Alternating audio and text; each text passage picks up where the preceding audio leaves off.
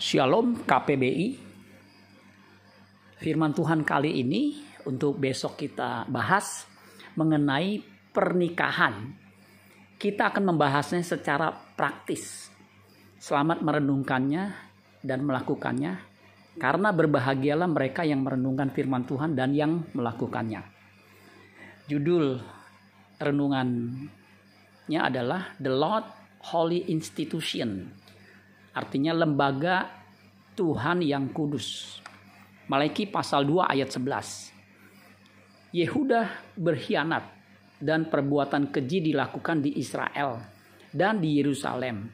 Sebab Yehuda telah menajiskan tempat kudus yang dikasihi Tuhan dan telah menjadi suami anak perempuan Allah asing. New King James Version bunyinya seperti ini untuk ayat Malaki 2 ayat 11. Judah has dealt treacherously, and an abomination has been committed in Israel and in Jerusalem. For Judah has profaned the Lord's holy institution, which he loves. He has married the daughter of a foreign god. Perkawinan adalah the Lord Holy Institution, lembaga Tuhan yang kudus lembaga yang pertama kali Allah ciptakan untuk kebahagiaan manusia. Lembaga ini dirusak oleh orang yang tidak mengasihi Allah. Mereka yang tidak menjaga kehidupan rohaninya akan mudah mengkhianati pasangannya. New King James Version di Maliki 2 ayat 16b dikatakan, Therefore, take heed to your spirit that you do not deal treacherously.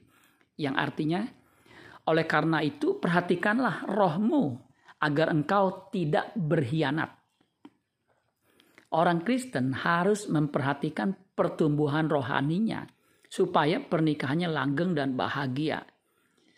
Pengkhianatan membuat pasangan terluka, penuh air mata duka, tangisan dan rintihan yang mendalam. Itu dicatat di Maliki 2 ayat 13. Ingat, Tuhan membenci perceraian ia sangat murka dengan orang yang melakukan pengkhianatan dan perceraian.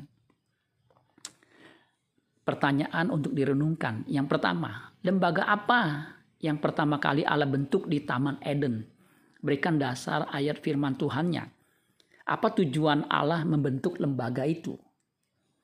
Yang kedua, apakah diperbolehkan pasangan Kristen bercerai? Mengapa pasangan Kristen tidak boleh bercerai? Mengapa terjadi yang ketiga? Mengapa terjadi perceraian di kalangan orang Kristen? Apa penyebab utamanya?